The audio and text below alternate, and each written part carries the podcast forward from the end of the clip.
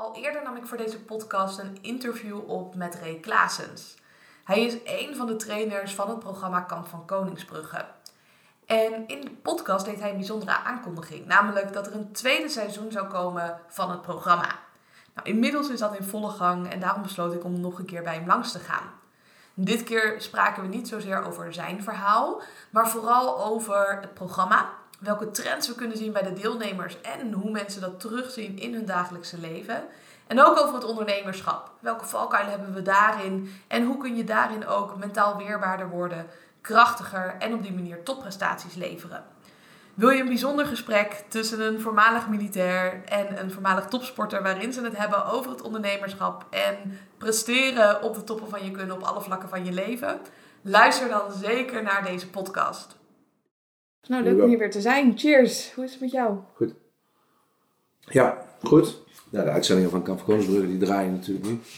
Ja. Dus er komt echt een boel los. Veel reacties. Uh, ik heb zelf zo'n idee gevat om uh, zo de dag daarna wat commentaar te geven. Ja, Steiger Talks genoemd. Ja. En dan echt, ik, heb, ik ga ze ook echt alle negen volmaken. Dus ik heb nu al de onderwerpen staan van ik denk, hier wil ik het gewoon uh, iets over meegeven. Ik zie dat mensen, het wordt goed bekeken, positieve reacties. Dus als daar wat in zit waar mensen wat aan hebben, dan deel ik dat met liefde. Ja, het zijn hele dus, korte uh, video's, maar toch ja, uh, echt minuutje, twee, minuten twee deel je super veel waarde. Ja, en het, ja, ik, ik vind het ook echt. Ja, dus dat, is, ja, dat scheelt hè, als het ja. matcht wat je en Soms is het wat ongepolijst, hè. natuurlijk allemaal gemekker over mijn handen in mijn zakken. En dan denk ik, jongens, die komt wel uit. Dit is wat ik ben. Ja. Luister er maar gewoon naar. Of niet, dan moet je gewoon niet kijken. Nee, precies. Maar het is niet in scène gezet met een prachtige camera. Nee, En... en ik bedenk het ook niet. Het is, nee, het is gewoon echt wel het onderwerp natuurlijk, want die hebben we wel echt staan. Er zitten nog wel een paar leuke in die eraan gaan komen. Over trots. En over uh, het feit dat een pad ontstaat door erop te lopen. Hè? Dus je gewoon je kansen moet pakken voor morgen en niet uh, moet twijfelen en dingen gewoon moet doen. Ja. Stoppen met uitstellen. Ja, precies. Hè? Maar precies. dat vooral niet doen. Ja. Dat. Ja, dus het gaat goed. Veel drukte ook in het bedrijf loopt het eigenlijk hartstikke goed. Dus en, uh, en thuis ook. Dus ik ben wel een gelukkig man. Fijn. Ja. ja, want de vorige keer dat we spraken was naar aanleiding van het eerste seizoen van Kamp van Koningsbrugge. Ja. Volgens mij zaten we er toen ook middenin. Is er veel veranderd door het uh, programma voor jou? Nou, in essentie niet. Uh, we doen gewoon wat we doen. Wat we wel uh, gezegd hebben is dat we, naar aanleiding van zeg maar, de, de, de aandacht die er komt, professionele aandacht, is dat we zeggen, je moet er weer wel iets mee doen. Dus als hier lessen in zitten, in zo'n programma, lessen die je ook gewoon toe kunt passen op, uh, nou, op het bedrijfsleven of op scholen of in de zorg, dan moeten we kijken of daar een rode draad in te vinden is. En dat hebben we wel gevonden. Dus we hebben dat uh, Leadership Center genoemd. Maar dat is meer dan dat. Het gaat ook over teamontwikkeling en de dynamiek in, in teams. En uh, ja, eerlijk durven zijn tegen elkaar, elkaar aandurven spreken. En dat het spannend is, dat snapt iedereen. Maar dat is geen reden om het niet te doen. Ja ja, dat gaat dan uit een van inspiratiesessies om mensen ja, echt even aan te zetten of een keer een spiegel voor te houden, tot aan workshops en, uh, en wat meer van die uh, zaken. Dus er eigenlijk een extra bedrijf is eruit gekomen? Nou ja, een, een, ja, een domein eigenlijk. Dus ja. binnen hetzelfde bedrijf is daar een, uh, we gezegd van daar gaan we wat mee doen. Dus we hebben ook met Siert, Siert Nutma, zijn een samenwerking aangegaan. die heb je net gezien. Ja. Die was al nou, een begenadigd spreker. Uh, en die coachte veel mensen. Die was ook op zoek naar, naar meer dingen samen doen. En eigenlijk die was wel een beetje beu dat alleen werken. En wij zochten iemand die dat op kon pakken, want ik kan het er niet bij doen. Ik vind het prima om het aan te jagen en om daar het gezicht van te zijn af en toe. En Dai ook. Maar Siert is wel degene die dat, die dat op moet gaan, gaan zetten. Dus we zitten nu midden in dat proces en dat is hartstikke interessant en spannend. Of spannend, het is gewoon echt met name heel leuk. Het kan ook heel mooi samengaan. Tenminste, dat vind ik in de topsport. Ja. Juist als je een wedstrijd hebt, is het ook spannend maar op een goede manier spannend. Dat je weet dat dat uh, tot groei gaat leiden. Ja. ja, dat is wat we zien. Dat is ook wat we zien. En dat maak ik, of dat gaat lukken, daar ben ik eigenlijk niet zo, uh, niet zo bang voor. Want dat is niet. Ja, ik kom iedere keer met de titel van je boek. Want ja, dat is geen reden om het niet te doen. Nee, je, we gaan het gewoon wel doen. En dan zien we het daarna wel. En we sturen onderweg wel bij. Uh, en het is ook daar, uh, ik heb liever vandaag uh, dat we met een 7 bezig zijn dan dat we gaan wachten op de 10 die nooit gaat komen. Dus in het werk maken we, die, maken we dat gewoon zoals het moet zijn en bestemmen we af op de klanten. En het is met name heel leuk omdat het gewoon vanuit het hart komt. je hoeft er niet over na te denken, het is niet, ook dat is niet gepolijst. Je vraagt ons omdat je iets herkent in het tv-programma, dat is ook allemaal wat rauwer. Maar wel echt en eerlijk en ook ja, zonder franje. En ik hou er eigenlijk al van. Ik kom er ook steeds meer achter doordat we dit nu doen. dat ik ook steeds meer bij mezelf kom. Ik ben ook zonder franje, ja. Ja. Je doet het allemaal mee. Ja, precies. Gewoon geen bullshit. Ja, Ja, nee. voor zijn raap. Ja, en dat heeft ook soms een... eh, niet iedereen houdt ervan. En dat is ook goed. Ja. Ehm, En niet iedereen die kan het ook helemaal aan. Ik, kan me, ik las bijvoorbeeld op LinkedIn ook een reactie dat iemand zei van... Nou, ik vind het wel heel spannend om met jou te gaan werken. Ik weet niet of ik jou durf te vragen. ja, Dat krijg ik dan ook wel eens. Maar dan zijn mensen heel bang voor die confrontatie, denk ik, meer met zichzelf... dan eh, dat ze die no bullshit methode niks vinden. Ja, dat hoop ik. Ja, want Dat- ik denk dat ieder weldenkend mens ook ziet dat dit op een bepaalde vorm natuurlijk entertainment is. Hè? Dus ik word daar ook wel als een soort, eh, nou, mijn karakter, dat stuk van mijn karakter wordt uitvergroot. Dat zie je met name. Ja. Dit werkt natuurlijk niet als ondernemer. Als ik mezelf zo op zou stellen tegen een klant, dan ben ik natuurlijk eh, binnen vijf minuten sta ik buiten. Dus ik heb meerdere, ja, ik ben meer dan alleen wat je op tv ziet. Dat denk ik bij alle deelnemers, dat ze gewoon een bepaald verhaal Zeker. willen vertellen in het programma. En Ja. die beelden filteren ze eruit en dat laten ze zien. Ja. Ja, als iemand dus ook zou komen met een, eh, ja, een hulpvraag of een coachvraag, eh, nog los van het feit dat ik dat dan zelf zou doen, maar vanzelfsprekend dat dat niet met de bot erbij les en eh, dat, ik daar, eh, dat dat niet zo gaat. Maar als ze tot de essentie komen en ik denk van nou ja, we draaien gewoon om de hete brei heen. Wat, wat er namelijk echt aan de hand is, is het volgende. Super subjectief, maar dat is wel waar je voor. Als je een objectief, verhaal moet hebben, dan moet je met tien mensen gaan praten. Dan, krijg je, dan, doe je ook aan zelfhulp. Maar dan moet je niet bij mij zijn. Ik, Ja. ik zeg je gewoon wat ik denk wat er aan de hand is. Omdat ik zie waar je moeite mee hebt en waar je mee stoeit. En dan kan ik ook ooit naast zitten. En dan kunnen we het dan over hebben. Maar ik ga er niet omheen draaien. Nee, dan worden het hele dure kopjes koffie, denk ik, Ja. als je er eh, allemaal Precies. eh, bloemetjes omheen gaat Ja, planten. daar komen ze ook niet voor. En, en, dat is wel spannend, dus dat snap ik wel. Ja, als iemand eh, in dit tv-programma ook, eh, dat gaan we nog zien, maar iemand die, die dealt echt met, eh, ja, ja, egoïsme is het eigenlijk. eh, die zegt, ik stel mezelf altijd voorop. Dan komt volgende aflevering, wordt dat helemaal uitgediept. Ja, dat voel je mijlen ver aan en niemand durft hem dat te zeggen, want het is ook nog een eh, mondige, het is een leuke vent om te zien, een mondige jongen. Die neemt gewoon een loopje met je als, je aan het praten is.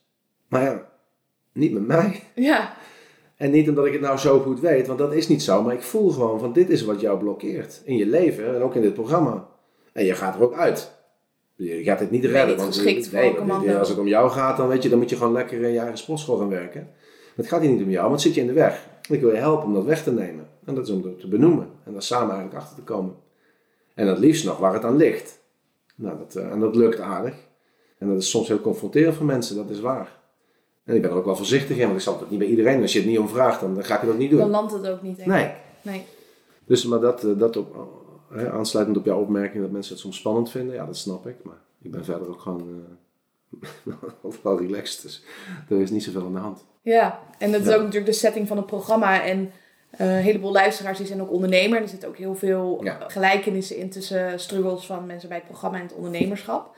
Hoe kunnen mensen nou dat soort patronen bij zichzelf ontdekken zonder dat zij die zeven dagen, of want het programma duurt zeven dagen toch in totaal? Acht, Acht dagen. ja, acht, negen afleveringen, acht dagen. Ja, door het slijk moeten om zichzelf tegen te komen. Hoe zou je dat soort patronen bij jezelf kunnen herkennen? Of, of dat iemand anders dat bij jou ziet? Ja, ik denk dat het, hè, we hadden het er net even over. Ik, zelf roep ik dat ook best vaak, en daar zijn ook hele merken aan gewijd. Hè. You are your actions. Je bent wat je doet. Je kunt nog zoveel tegen me vertellen, maar laat het maar eens gewoon zien. Geen woorden maar daden. Geen woorden maar daden, dat is natuurlijk allemaal waar. Maar als het op de vraag aankomt die jij net stelt, van hoe kunnen mensen bij zichzelf patronen herkennen, dan zou ik zeggen, nou pak gewoon echt een spiegel. En kijk eens wat je echt voelt en wat je denkt. En dat is namelijk niet wat je altijd doet, want dat doen, dat heeft ook te maken met iets willen laten zien. Ja, En wat je zegt als iedereen kijkt, dan wil je er heel goed Precies, uitzien. hè? En als niemand karakter is wat overblijft als niemand kijkt. Ik vind Ja. het een eh, schitterende, schitterende spreuk. En dat is ook zo, dat zet zich dan om in daden. Maar wat je er echt voelt en van binnen en waar je ongeluk zit, of waar je voelt van nou, dit is gewoon mijn blokkade, die kun je misschien niet altijd onder woorden brengen, als je het alleen maar voelt. Maar dan weet je wel dat je er iets mee moet.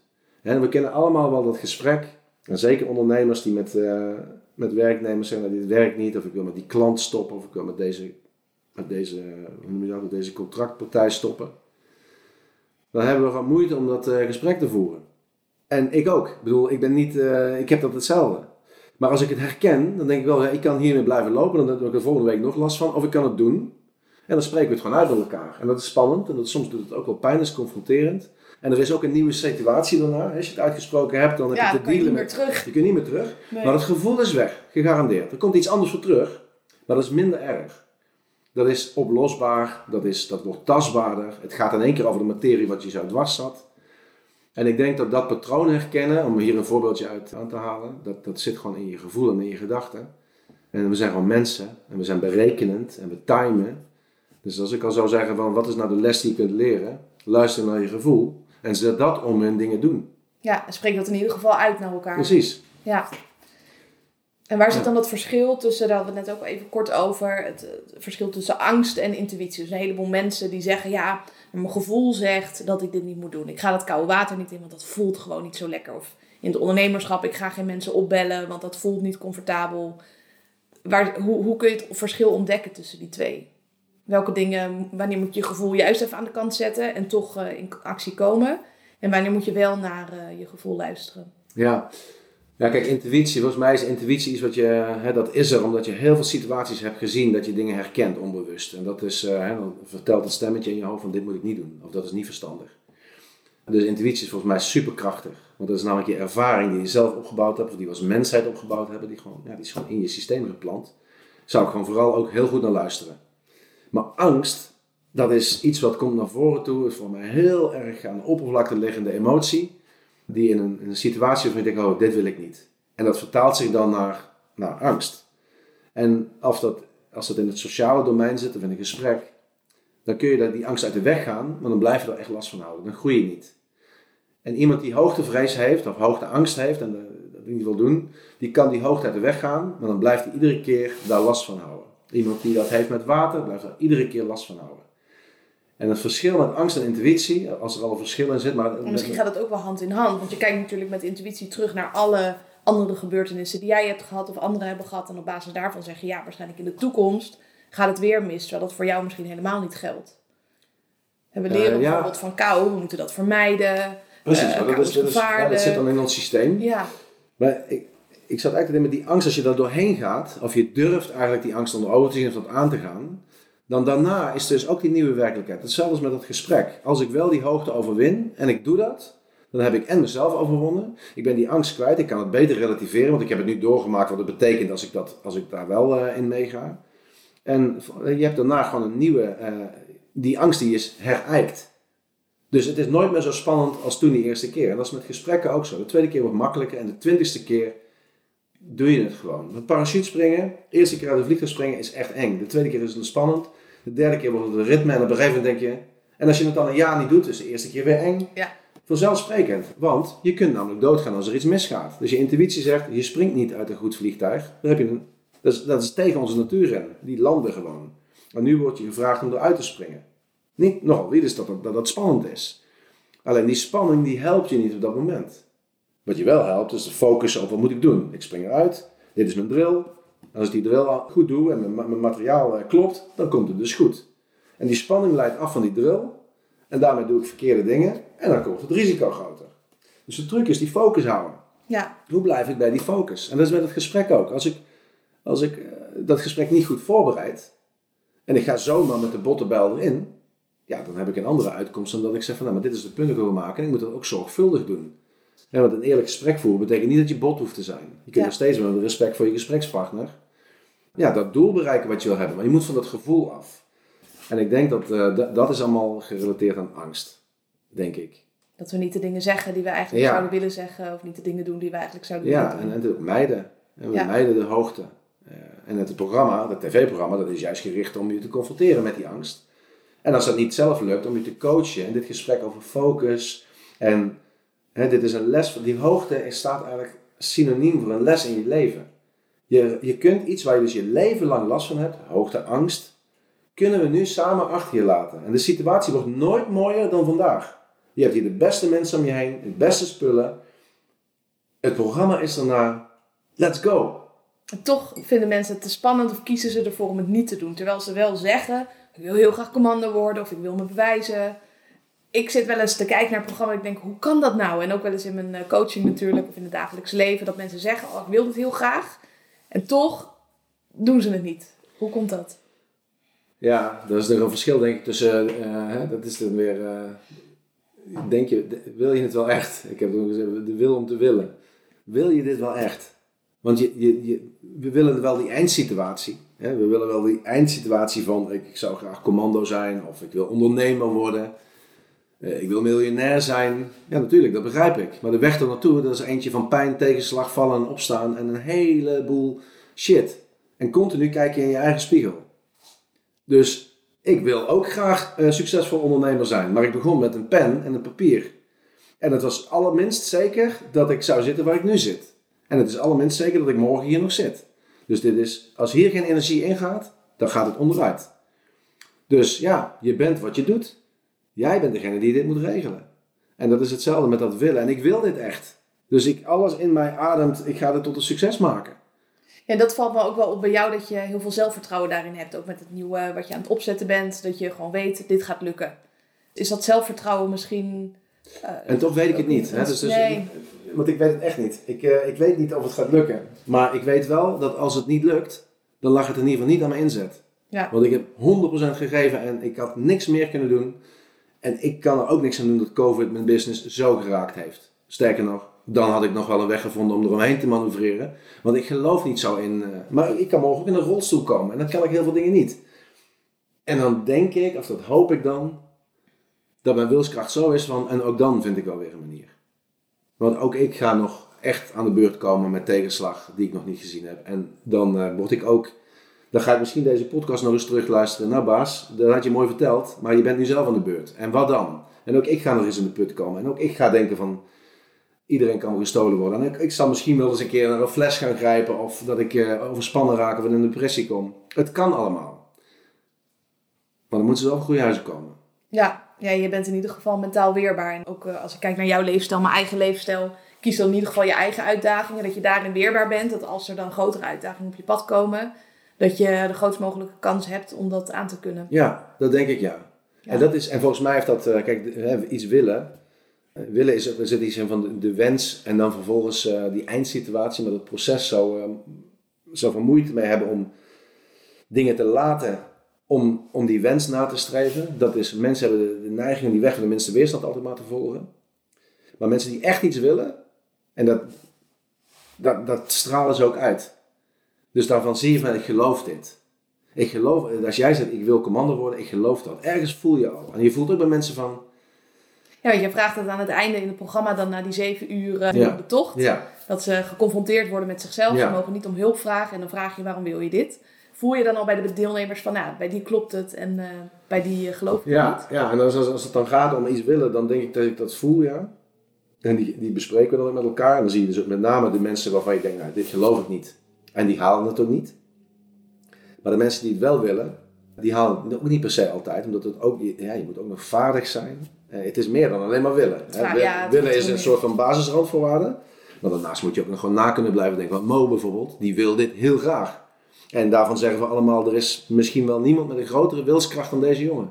En het is prachtig om te zien en het raakt. En ik, ik, ik werd er echt een beetje geëmotioneerd door om te zien van, jeetje, dit is echt uh, kracht. Maar je moet ook meer kunnen. Ja, het is niet voldoende om geschikt te zijn voor het hoogste niveau. Nee, gisteravond zag je dat hij, uh, zegt iemand, uh, een sportinstructeur tegen hem, van kaart tussen de lijnen staan. Hij heeft gewoon drie keer heeft hij moeten herhalen en uh, heeft geen idee wat hij eigenlijk moet doen. En dat komt omdat, niet dat die jongen cognitief dat niet begrijpt, natuurlijk wel, maar de spanning op hem is, bouwt zo groot op dat, dat hij daar gewoon last van heeft. En dan zet het niet om een, ja, in, in veilig handelen bijvoorbeeld. Ja. Dus ja, maar er is meer voor nodig dan alleen willen. Maar zonder willen wordt het in ieder geval niks. Ja.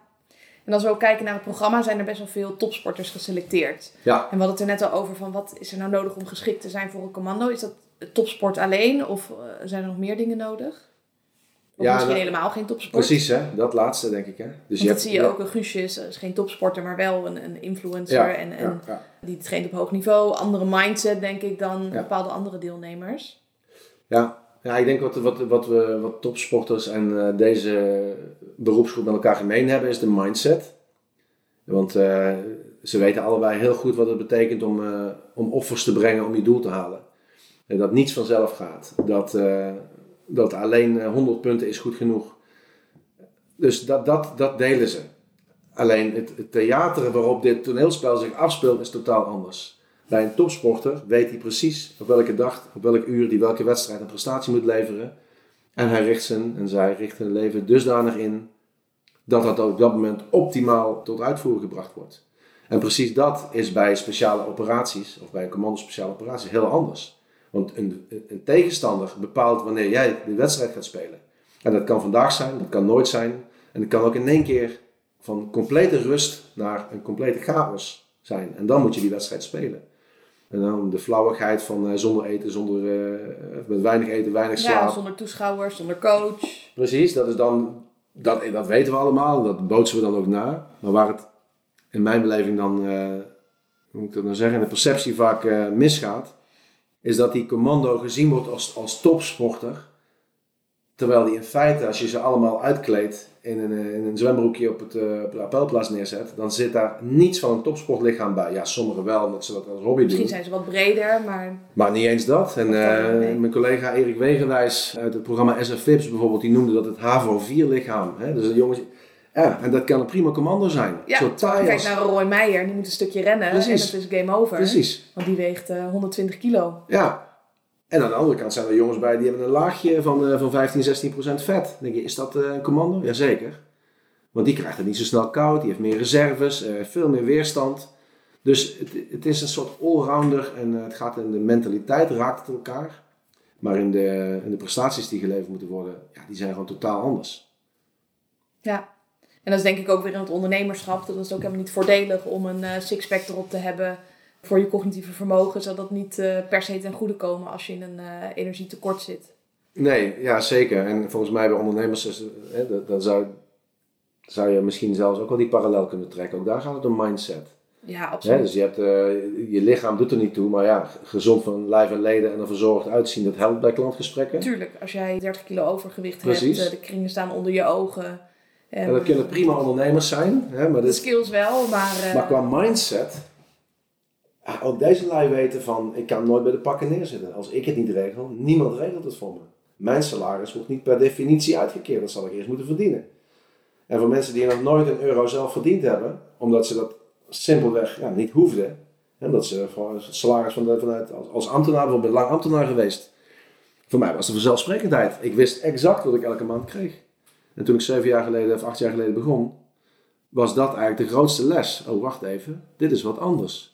Dat je iemand moet overtuigen om jou een euro te over ja, te maken, dat je het waard bent. omdat je iets waard bent, omdat je iets toevoegt. Is dat niet ook een beetje het probleem van de huidige maatschappij? Dat een heleboel dingen voor ons geregeld worden in plaats van dat we verantwoordelijkheid nemen voor ons eigen aandeel? En bijvoorbeeld als ik ongezond eet, dan is er wel iemand anders die Ja. het voor mij regelt indirect. Want die betaalt voor mijn zorgverzekering omdat ik meer kosten bijvoorbeeld maak. Of als ik mijn shit op de grond gooi, nou, dan is er wel iemand anders die dat eh, voor me opruimt. Dat mensen wat, ja, wat lakser worden, dat merk ik wel vandaag de dag. En daardoor eh, minder mentaal weerbaar. Ja, dus het wordt, eh, dus, eh, het wordt eigenlijk niet zo afgestraft. Dus je, Ja, je, je, we zien het niet. En dan vind ik fouten vind ik nog iets heel anders. Hè? Dus, dus, of on, ongeluk, het feit dat je, dat je een, een, iets onder de leden hebt, of dat het leven tegenzit, of dat je mentaal, weet je, Ja, allemaal prima. En dat zijn al die uitzonderingen, daar wil ik vooral niet aankomen, maar in, de, in generieke zin is dat denk ik waar wat je zegt. Mensen doen graag dingen die heel makkelijk zijn. En we gaan er maar vanuit dat het allemaal wel geregeld wordt. Kijk maar naar corona, we vinden het allemaal maar heel normaal om af te geven op bestuurders. En die helemaal de grond in te trappen, eh, omdat het allemaal eh kloten geregeld is. Ja, Ga er maar zelf eens staan. ja, maar eh, doen. probeer dit eens te regelen jongens. Kijk eens hoe goed Ja. het En niemand krijgt dit optimaal voor elkaar. Dus ergens kun je ook zeggen van nou met respect. Hè, van, van, het is, deze lui doen hun best om dat land eh, er doorheen te loodsen. Nou, eer en geweten. Met uiteraard een politieke voorkeur. En dat was anders geweest als er andere partijen hebben gezeten. Maar die zitten er niet, dan moet je er maar op stemmen. Zo hebben we dat met elkaar geregeld. Maar hoe ga je dan zelf de verantwoordelijkheid nemen? Ja, het makkelijkste is gewoon van je afschreeuwen. Ja, heel veel Maar kijk nou gewoon lekker naar jezelf. tegen wat je niet wil in plaats Precies. van eh, wat dan wel.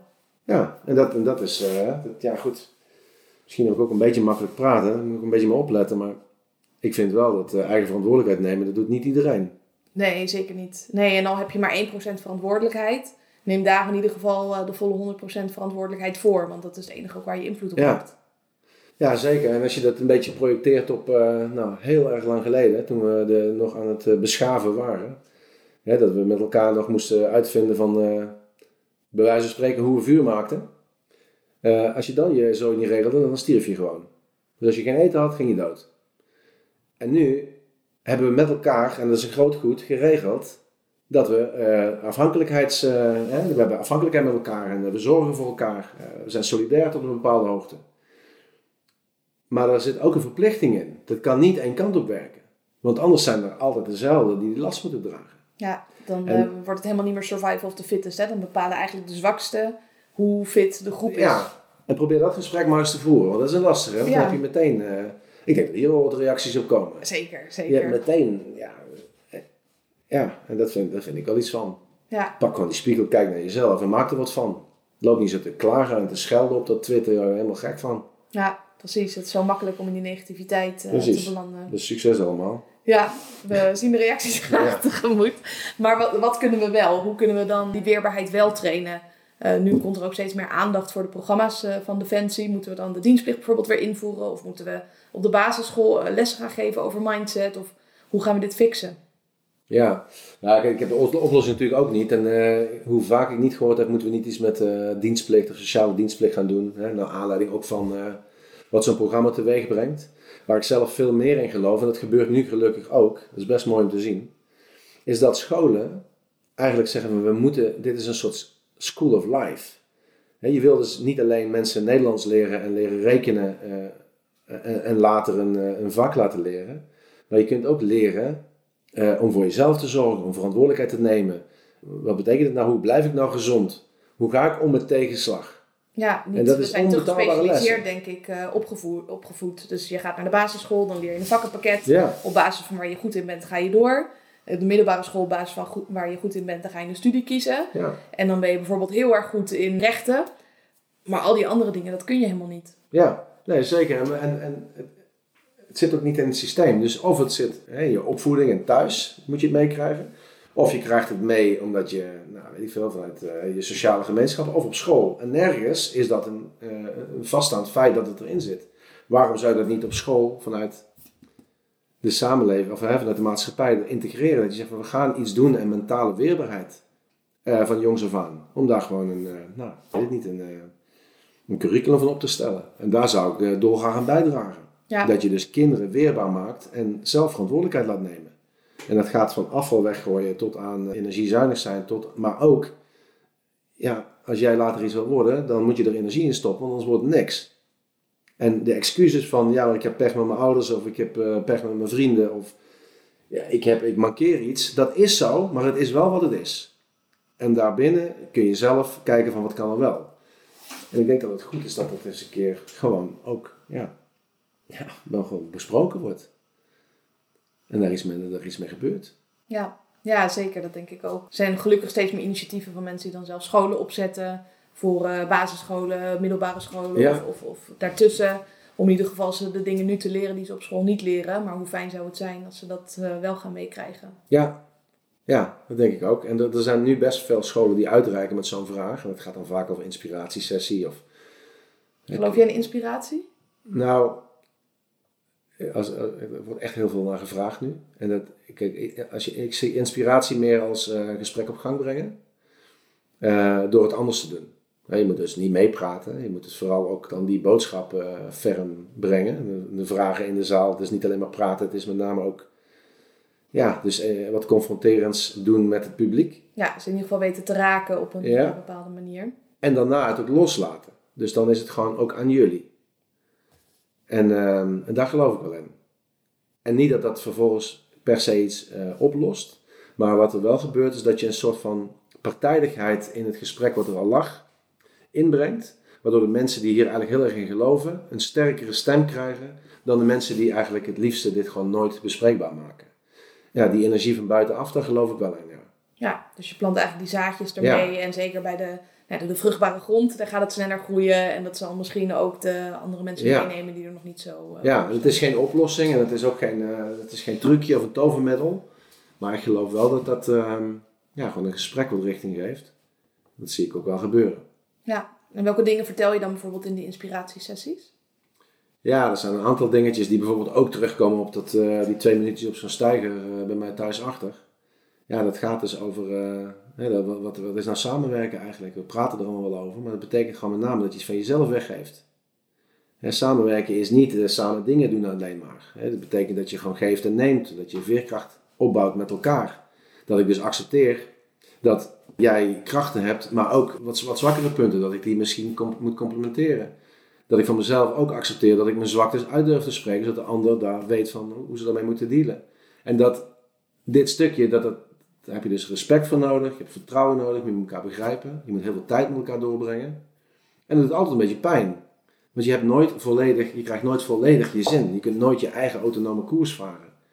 En dan is het met twee mensen nog tot daaraan toe. Als je dit met een team doet, dan wordt het natuurlijk nog complexer. Ik zie dat vaak bij ondernemers. Met twee mensen lukt het nog wel, maar als het Ja. eh, team plus is van een team, Ja, dan eh, wordt het lastig. Want dan moet je inderdaad zelf gaan inleveren of dan moet je die zwaktes eh, van je team Ja. gaan erkennen.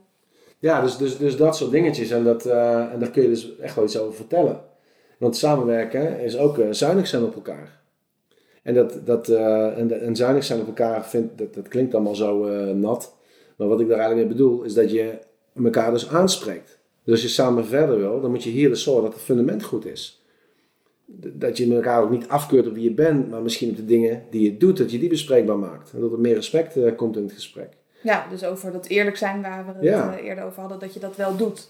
En mensen denken vaak, oh, het moet lief zijn voor de ander. Maar eh, ik vind zelf het helemaal niet lief om dingen niet te zeggen die wel op je hart liggen. Ja, Dat als jij er een bende van maakt, dat wel iemand zegt tegen jou van, joh, ruim je shit op. ja, Want je helpt iemand er niet mee om dat niet uit te spreken. Ja, ja zeker. Maar bijvoorbeeld wat ik, wat ik zelf eh, nou, ook pas nog meegemaakt heb, is dat, kijk, roddelen is iets dat, dat, eh, dat hebben we allemaal, dat voelen we wel aan van er zit iets negatiefs omheen. Maar dat het helemaal niet erg is om met elkaar over een collega te praten. Er wordt al zo spannend over gedaan. Dat heeft namelijk een hele sterke functie. Je bent namelijk zelf aan het toetsen of je eigen beeld klopt.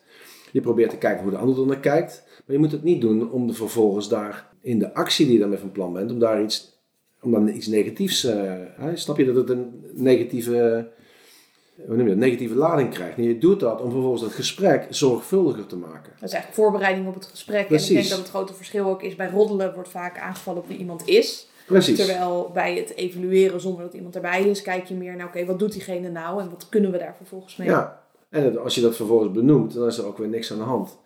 Maar ik denk dat we dat, we dat, dat met elkaar over iemand praten heel makkelijk doen, maar het nalaten om vervolgens het om te zetten om met iemand te praten. Ja. En dan, eh, dan is het in één keer weer niet goed. Dus ik, en, en nogmaals, ik trap zelf ook iedere keer in die valkuil. Ik ben ook gewoon mens, maar ik probeer mezelf wel bij mijn oor te trekken.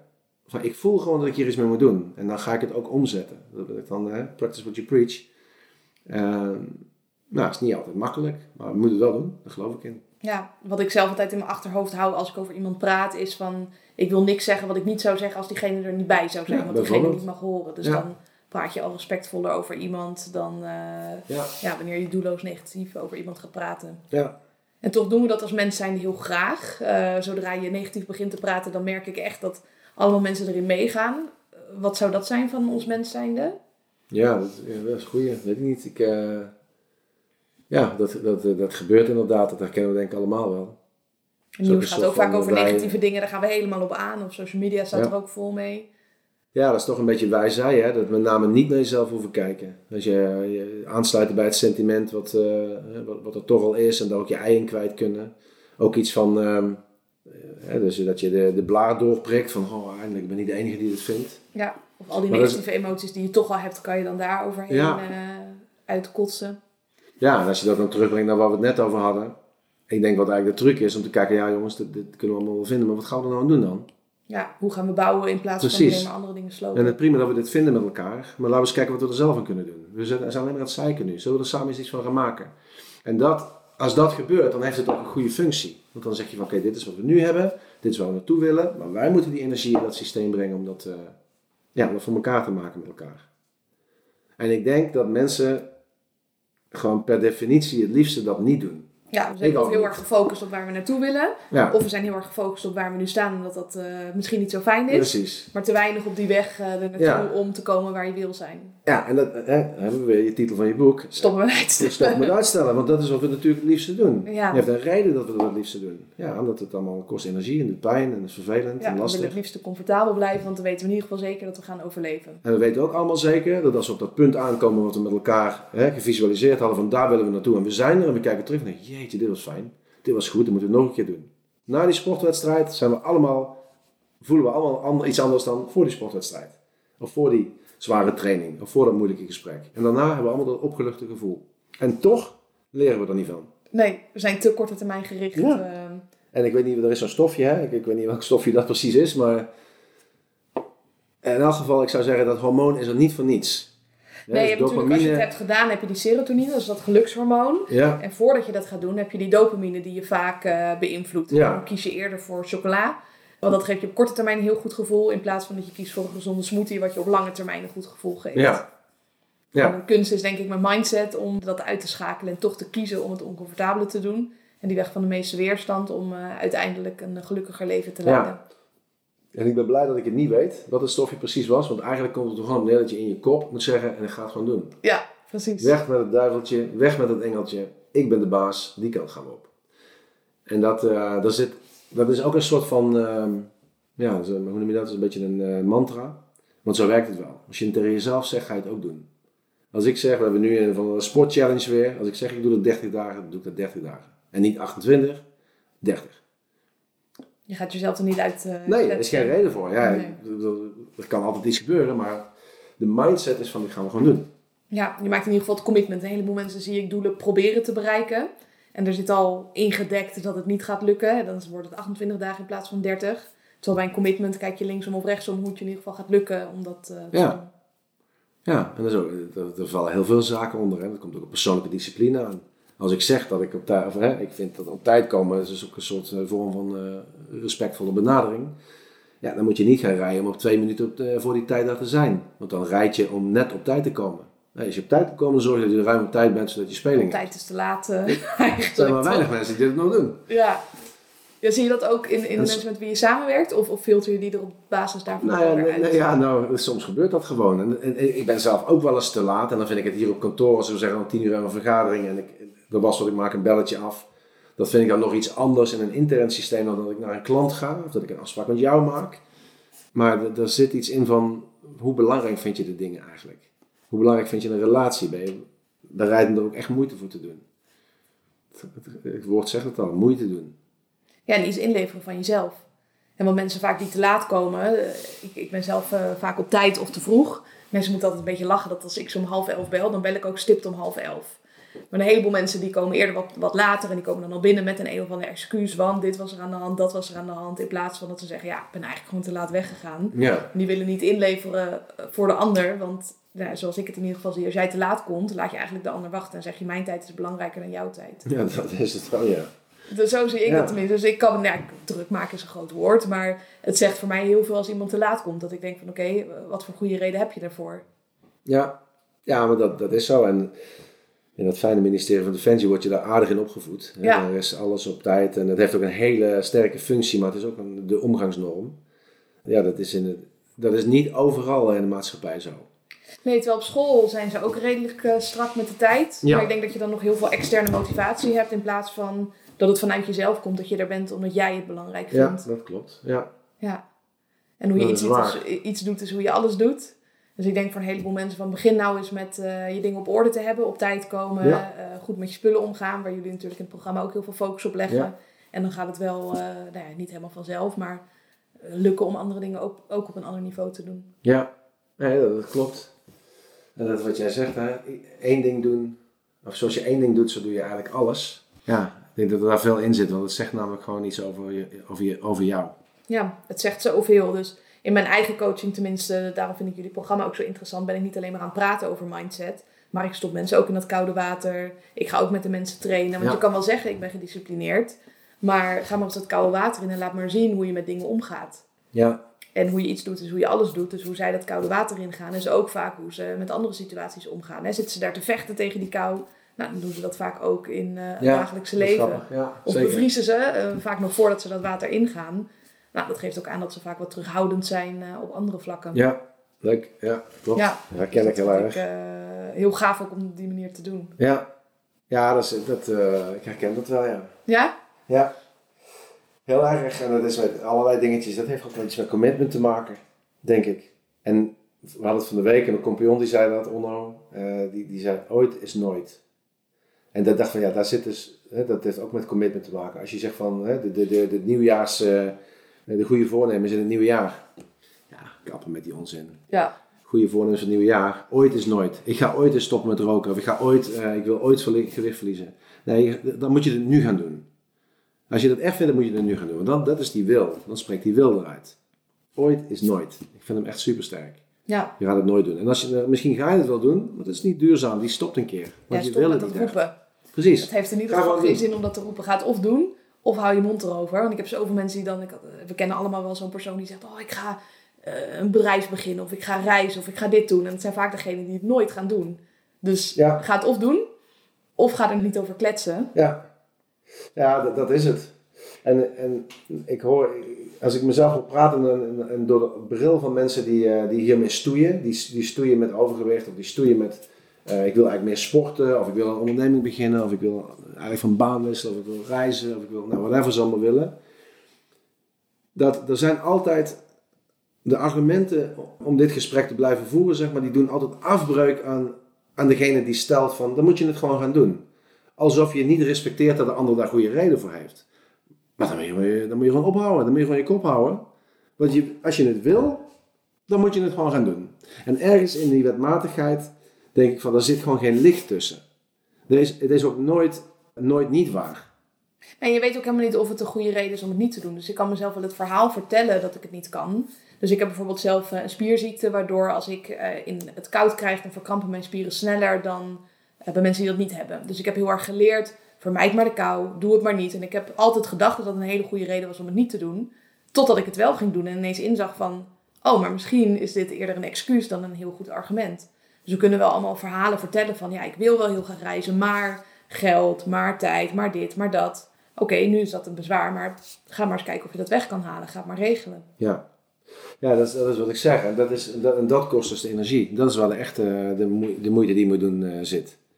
En volgens mij doen we dat allemaal liever niet. Ja, dat, dat is het denk ik, ja. Ja, ja, hoe gek het ook klinkt.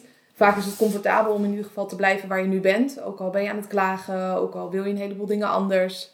Dat je toch gewend bent om eh, op een bepaald punt te staan. Ja, ja ik ben het helemaal met je eens. Ja. Ja, ja klopt. Hoe doe je dat voor jezelf? Hoe zorg jij dat jij mentaal weerbaar blijft? Ja, ik, wat ik net probeerde te zeggen, ik, ik, ik, ik heb daar niet precies een eh, gedachte bij, ben er mee Dus bezig. dat jij elke, eh, elke dag een uur aan het mediteren bent? Helemaal of, niet. ehm, En ik ben er ook helemaal niet van, in in die zin. En ik ben ook niet bezig met voeding, en ik ben ook niet bezig met eh, patronen en sport en schema's of doelen, of eh, nou, allemaal niet. Ik doe met name dingen die ik leuk vind. En als iemand tegen me zegt, vind je het leuk om eh, deze maand een sportchallenge te doen? Nou, dan vind ik het of leuk of niet leuk. En dan ga ik het doen en dan committeer ik me eraan. Maar er zit bij mij wel ergens gewoon in mijn geest iets van, ehm, ja, daar denk, denk dat ik daar misschien wel heel erg trots op ben. Een man een man, een woord een woord. Als, eh, ook naar mezelf toe. Dit ga ik doen, dan ga ik het ook doen. En dan, dat was met een bedrijf beginnen, maar dat is een commando willen worden. Ik heb universitair, eh, ook voor de KMA moest een universitaire studie, stukje daarvan doen. Er zit een gigantische klus in dat iedereen zegt, wat begin je aan? Nou, dat moet je niet één keer zeggen, want dan gaat het gewoon eh, een succes worden. En ik heb daar alle energie die ik in me had erin gestopt. En het werd natuurlijk ook een succes, terwijl iedereen ervoor kan zeggen, dat kan niet lukken. Ga je daar ook goed op als mensen zeggen, dit kan niet? Ja, Ja. ja, ja, en dat is ook dat is een beetje de- het jongens, eh, het, het recalcitrante rebelse in me. En eh, vroeger hebben ze me ook vaak mee gehad van, eh, oh, dat durf je niet. Nou, dan, dan ik deed ik dat dus. ja, dat is niet altijd even handig en ook eh, een beetje onvolwassen soms. Dat heb ik wel, eh, de, de randjes die zijn daar wel vanaf, maar het triggert nog steeds. Ja, om toch die grenzen op te zoeken. Dat als iedereen zegt, oké, je moet naar links gaan. Dat jij denkt, nee hoor, ik ga naar rechts Ja. en ik kijk wel eh, of dit En ook in het groot. We hebben laatst een project eh, gehad, eh, dat- zou in Libië spelen. Iedereen raadde het ons af, dat zullen we wel eens zien dan. Het is niet gelukt, maar... Je hebt het in ieder geval geprobeerd. Ja, en, alles aan gedaan. En we konden daar verder ook, eh, bedoel, ja, als, er, als er uiteindelijk geen klant uitkomt, komt hij er niet uit. Maar het is, niet, het is eerder dat het me aanzet, dan dat ik denk, oh, dat is een goed advies, misschien moet ik het niet doen. Nee, het is, eh, katalyseert eigenlijk gewoon mijn gedachten van, nou, dat gaan we dan eens zien. Dat is dus een echte uitdaging. Ja, en ik eh, merk in het dagelijks leven ook vaak een heleboel mensen je advies willen geven. Ehm, naar wie luister jij wel? Ik luister zelf bijvoorbeeld niet naar de meeste mensen. Mijn eigen eh, heuristiek is van ik luister alleen maar naar mensen die of hebben bereikt wat ik wil bereiken, of die ik ervoor betaal om mij advies te geven.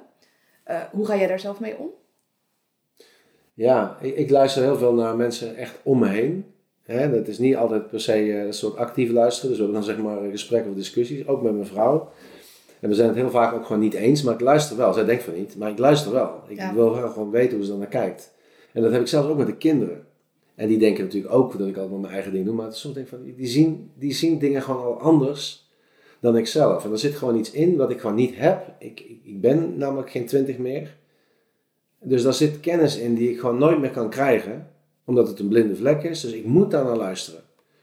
En dat het voor hun dan vaak overkomt als van, nou, daar doet hij toch niks mee. Of uh, dat is papa weer. Dat geloof ik, maar ik luister er juist wel naar. En ook de mensen om me heen. En mijn compagnon bijvoorbeeld, als die iets bevindt of ziet of zegt of een mening, die is voor mij van onschatbare waarde. Daar luister ik enorm naar. En daar handel ik ook naar. Dus mensen die dichtbij staan, daar heb ik eigenlijk, uh, ja, daar heb ik dat heel sterk mee. Dus luisteren. Maar waar ik bijvoorbeeld niks mee heb, ja, ik heb, ik heb niet zoveel met social media wat er allemaal gevonden wordt en uh, gezegd wordt. En je zou dit moeten, of je moet dit, of je doet dat. ja. Ja, ik ken je niet. Een soort van uh, zigzag dat je denkt, oh, ik ga naar die lijst, oh, toch weer naar die. Ja, en dan soms dan uh, trap je dan wel in de valkuil met iemand je dan een beetje uit de tent lokt en zo. En uh, dat heb ik ook al een paar keer gehad. Wat dan? Ja, ja dat ging dan over die... Nou, het is echt een beetje een belachelijk voorbeeld, vind ik zelf. Maar goed, wel grappig om te vertellen. In dat tv-programma staan we vaak met de handen in de zakken. Dat is nou niet echt zoals je als militair opgevoed wordt. Hoort niet. In de discipline orde van grootte. Maar ja, we staan daar wel met handen in de zakken. Ook een collega van de Korps stond dat. En dat uh, militairen die vallen daar, die buitelen daarover. Dus dat, is, dat gaat een beetje als een soort gimmick rond. En dat kan echt niet. Oké, prima. Kan ook niet. Ik snap dat dat niet kan. Je bijvoorbeeld functie. Maar uiteindelijk, en ik zeg dan, ja, maar en toch gebeurt het. Wat is dan daar de verklaring voor? Lap ik het aan mijn laars? Vangt de camera toevallig en filteren ze het er niet uit? Of is het gewoon een hele lekkere houding dat ik denk van hier ben ik op mijn best? Ja, voel jij je op die manier comfortabel Precies. kan je daardoor beter Nou, bij Defensie hebben ze daar, dat werkt niet zo. Hè. Je kunt niet, uh, je hebt gewoon regels waar je moet houden. Dan is er een, een foto en die, uh, die, die, daar staat dan op: uh, The first place why I joined the Special Forces is hands in pockets.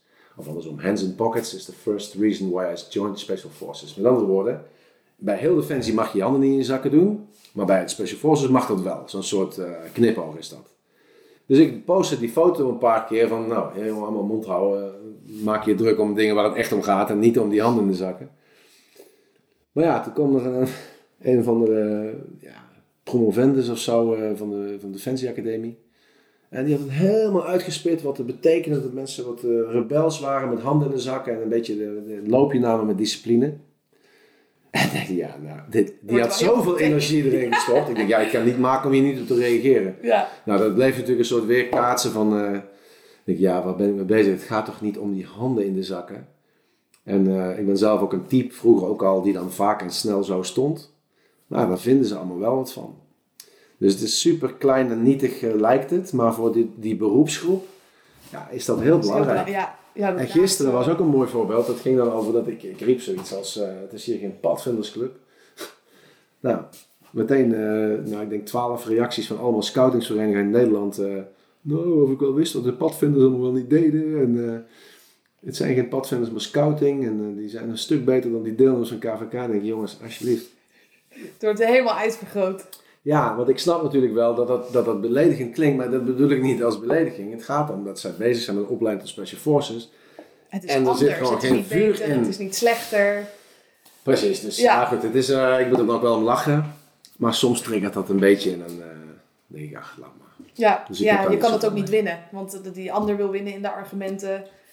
Dus Ja, maar ja, ik denk, eh, dit is ook, het is ook wel grappig om te zien dat mensen er met elkaar graag over praten. En dat vind ik dan wel leuk om te lezen af en toe. Maar nu eh, denk ik van, laat maar gaan, joh. ja, Dat, eh, het is allemaal super onschuldig, want ik denk dat we hartstikke blij mogen zijn met hoeveel positiviteit en weinig gezeur. En af en toe de dingetjes die er zijn met die handen in de zakken, denk ik, ja, je, je hebt gewoon een punt. Het is ook zo, het hoort niet. En ik denk dat we de volgende keer ook echt eh, zelf gewoon scherper op moeten zijn. Dus dat is ook weer dat stukje eigen verantwoordelijkheid nemen. Ja, dat je wel kijkt, wij moeten er iets aan eh, doen. wat kan ik doen? Precies, en dat vind ik ook dat we dat moeten doen. Maar ik vind het ook een stukje van hoofd- en bijzaken.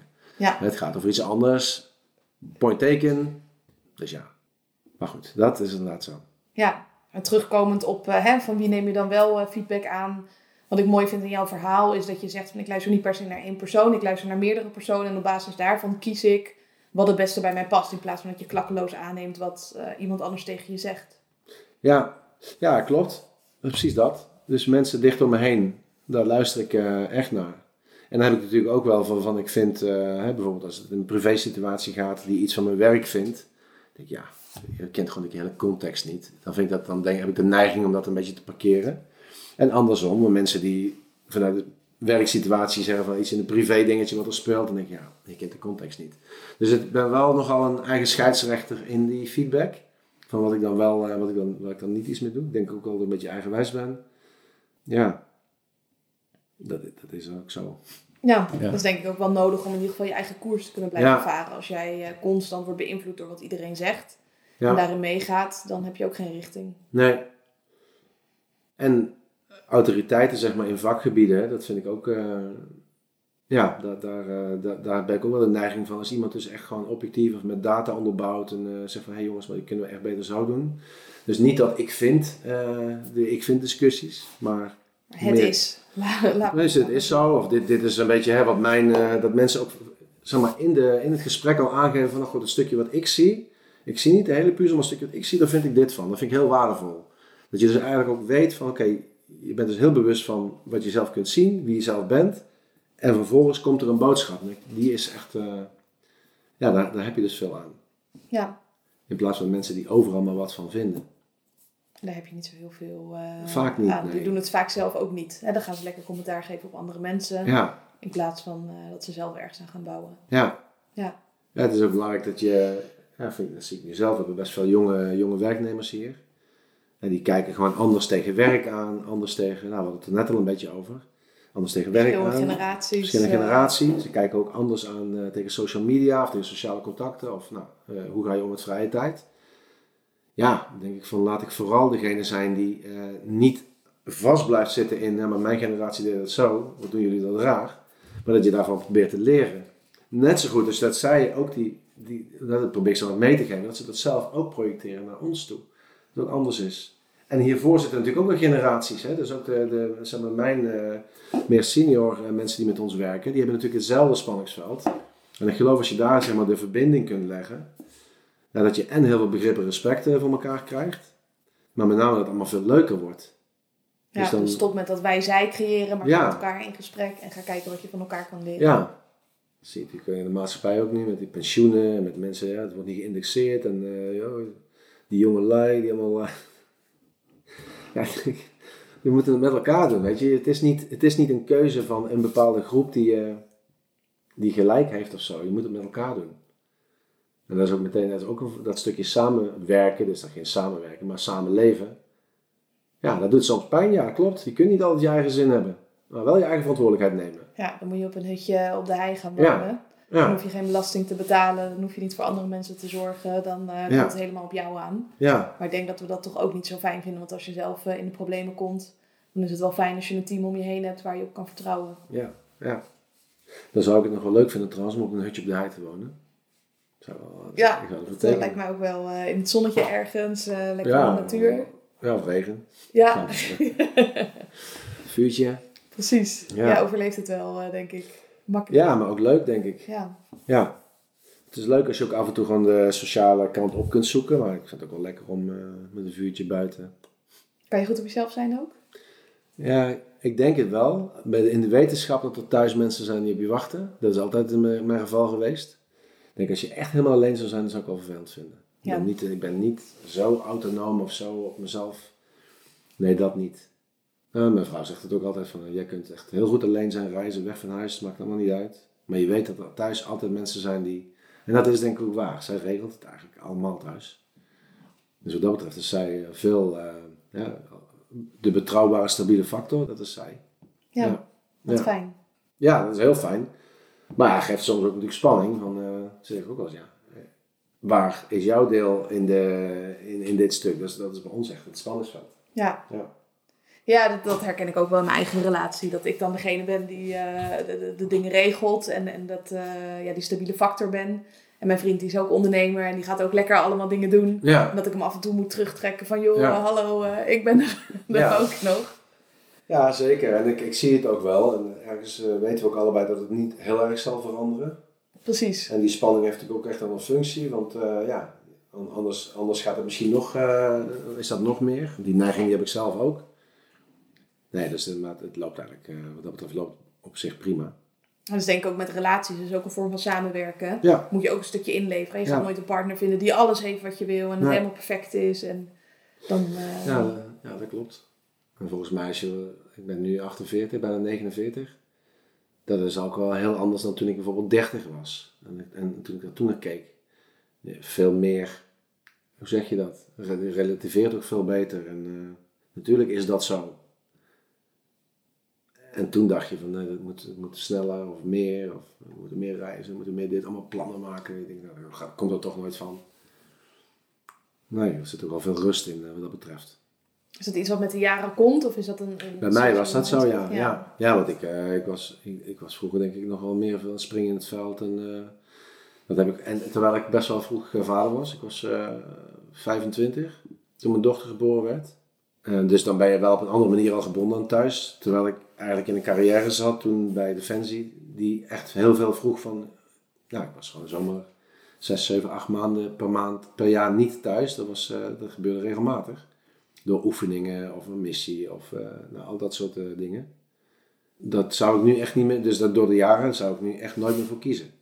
Niet omdat ik het zelf niet meer wil, maar ook ik denk, ja, dat heb ik mensen toch ook gewoon wel aangedaan. Ja. En ze hebben er niet voor gekozen, ja, ze hebben er wel voor gekozen met mij hè, om dat samen te doen. En mijn kinderen gaat hartstikke goed. Die hebben echt daar niks, geen enkel woord over van ik heb iets daarin gemist. Dus die, zijn, die weten niet beter. Maar als ik zelf zo terugkijk, denk ik, ja, dat had ook anders gekund. Ik zie nu collega's bij mij die kinderen hebben, denk ik, nou, dat doen jullie wel. eh, jullie maken wel meer mee van je gezin dan, dan ik, des, ik destijds. Ja, maar dat is ook een generatie, denk ik. Precies, en wat ik ook nu zie bij eh, mijn generatie in ieder geval, is dat mensen later kinderen krijgen, denk ik, ten opzichte van vroeger. Dat we er nu ook eh, ja, beter over nadenken of misschien langer mee wachten. En eh, ons leven dan ook inrichten op basis van de kinderen in plaats van op basis van onszelf. Ja, Wat natuurlijk ook weer de problemen met zich meebrengt van Ja. te gewend zijn. ja, de kinderen zijn de special snowflakes, die moeten alles gaan bereiken. En ja. met alle achterliggende problematiek. Ja, ja, dat klopt wat je zegt. Ja, nou, nou het mooi hoe je dat zegt, te gewenst. Ik weet niet of ik te gewenst was. Ik was ieder geval gewenst, hoop ik. Maar, Ja. maar je, je, zegt, je, je wil- zo goed voor iemand zorgen dat je eigenlijk alles... eh, Straks kunnen we zelfs het geslacht van, van ons kind bepalen, of de oogkleur, of ja, dat willen Ja. we helemaal gaan vormgeven. Maar voor mij eh, hoeft dat in ieder geval niet. nee, helemaal niet, nee. Nee, dat heb ik ook niet. Ik weet eigenlijk niet bij welke vraag dat nou kwam, wat je net zei, maar... Ja, over dat stukje meer wat later kinderen krijgen ten opzichte van vroeger. Of, of voor jezelf gaan in plaats van eh, voor het samengaan rondom je relatie. Maar ook het stukje relativeren en ook denk ik een stukje acceptatie van oké, eh, het is nou eenmaal zoals het is. En eh, we gaan het beste samen Ja, en, en, en dat klinkt dan zo gelaten, hè? Maar dat is het helemaal niet eigenlijk. Het is, wel, het is dat is meer van- moeilijk hoor, om acce- te accepteren. Ja, maar het is, het, is, het is allemaal niet spanningsvrij, omdat je gewoon allemaal mens bent en dingen wil. En eh, het is ook een soort economie in een gezin. Hè? Van, ja, soms kunnen dingen wel, soms niet. Eh, geven en nemen. En ik denk dat het bij ons, ja, dat, ik, dat ik misschien op punten in tijd in elk geval wel te veel neem. Als het gaat over weg zijn en zo. En dat zij dus heel veel moet geven thuis. En de keerzijde is dat het ook wel bij ons past. Eh, haar werk is veel meer aan huis. En voor mij ligt nou eenmaal gewoon buiten. Eh, en, daar, en de gevolg daarvan is dat je dus ook, eh, ja, jij bent ook degene die eh, vaker kookt. Of vaker de boodschappen doet of vaker. Ja, dan moet je dan bewaken. Als het maar in balans is. Hè? Misschien dat de een meer tijd erin steekt, de ander meer geld, de ander weer meer energie. En uiteindelijk, als het in balans is, dan komt het wel goed. En als het te scheef gaat, dan klapt het uiteindelijk. Maar ik denk dat het ook mega universeel is. Want ik kan me niet voorstellen dat het ergens niet speelt. Nee. Dat is overal zo. Dus eh, in die zin denk ik, ja, volgens mij het gaat hartstikke goed. Ja. Dat is in ieder geval mijn beleving van dit verhaal. Ja, precies. En dat Ja. denk ik ook, eh, tenminste dat, dat zie ik veel bij vrouwen. Het is, eh, klagen over de relatie, dit gaat niet goed, dat gaat niet goed. Maar dat het ook wel eens fijn kan zijn om gewoon te zeggen, nou, het gaat eigenlijk hartstikke goed. Misschien een paar puntjes die anders kunnen, maar de overal is het een eh 7 of een 8. Ja, En eh, dat is goed genoeg. ja, ja. Ja, en dat, dat ook, hè. Dus dat, eh, kijk, in de, in de, in de, de acht, misschien is dat juist wel gewoon, eh, het is gewoon, er hoeft geen cijfer op. Hè. De acht betekent er is ruimte, er is nog twee punten ruimte voor verbetering. Maar zo zie ik het zelf helemaal niet. Dit is tevreden is gewoon eigenlijk dus een tien. Ja, ja. Snap je? precies. Dus ik ben gewoon helemaal eh, oké met hoe het loopt. Eh, en dat er dingen beter kunnen, betekent ook gewoon dat, dat, dan moet je dat ook beter gaan maken. Hè? Het is, het is beter wat we straks over hadden. Het is niet de wens van, oh, en nu hebben we in één keer de balans beter op orde. Nee, dan moet je dingen opgeven. En dat kost ook weer. eh, dus ik denk dat dit gewoon echt een optimum is. Ja. Waar ik heel eh, blij en eh, gelukkig mee ben. En ik denk dat mijn vrouw is misschien ligt dat weer iets anders, weet ik niet. Moet ik een ja, een keer aan haar vragen. Maar als ik naar de kinderen kijk, ik denk echt dat ze heel erg op hun plek zijn. Ja, ik vind het wel mooi om te zien eigenlijk. Ja, Ja, fijn. zeker hè? Wat zijn verder voor jou de plannen voor het komende jaar? Je bent niet zo'n fan van- van goede voornemens, maar Nee. welke doelen heb jij? Ehm, even kijken, wat hebben we dit jaar allemaal eh, staan? Komt er nog een seizoen? Of, ehm, Nee, die kans is heel groot. Ja, Heel groot. Echt heel groot. knipoog. ja, dus die is heel groot. Ja, Ehm, het gaat namelijk gewoon heel goed. Ja, en dat loopt allemaal kwaliteit hartstikke leuk. Dus dat blijven we ook doen.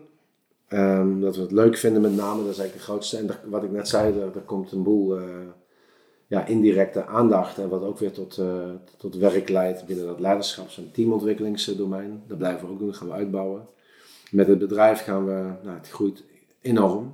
Dus eh, bij Defensie hebben we een hele stevige, stevige account aan, bij de politie ook. Dus dat willen we echt wel uitbouwen. Dat is allemaal zakelijk. We willen graag iets in het buitenland wat meer gaan doen. Hoop dat COVID het toelaat. Ja, dan gaat een clubje van ons gaat, eh, met de Parijs Dakar, wat overigens gewoon in Nederland nu gehouden wordt. Of Parijs Dakar. Ro- eh, Europa Run meelopen vanuit hier. Is wel leuk. Doe ik zelf niet meer mee trouwens. Ik weet niet of je dat kent, een Spartan Race. ja. Ja, dat zou ik. We hebben niks gepland staan. We zijn toen een keer naar de Ardennen geweest met een paar jongens. Dat vind ik wel leuk om daarvoor te trainen met name. Die, die, die, die tocht zelf is ook leuk, maar met name het traject naartoe vind ik heel leuk. We hebben vandaag besloten dat we een charity box fund box gala gaan doen. eh, in september. Voor de stichting die we, Commando Family Foundation. Een soort fundraising eh, die we daarvoor op gaan zetten. Dus dat zijn een beetje de grote dingen.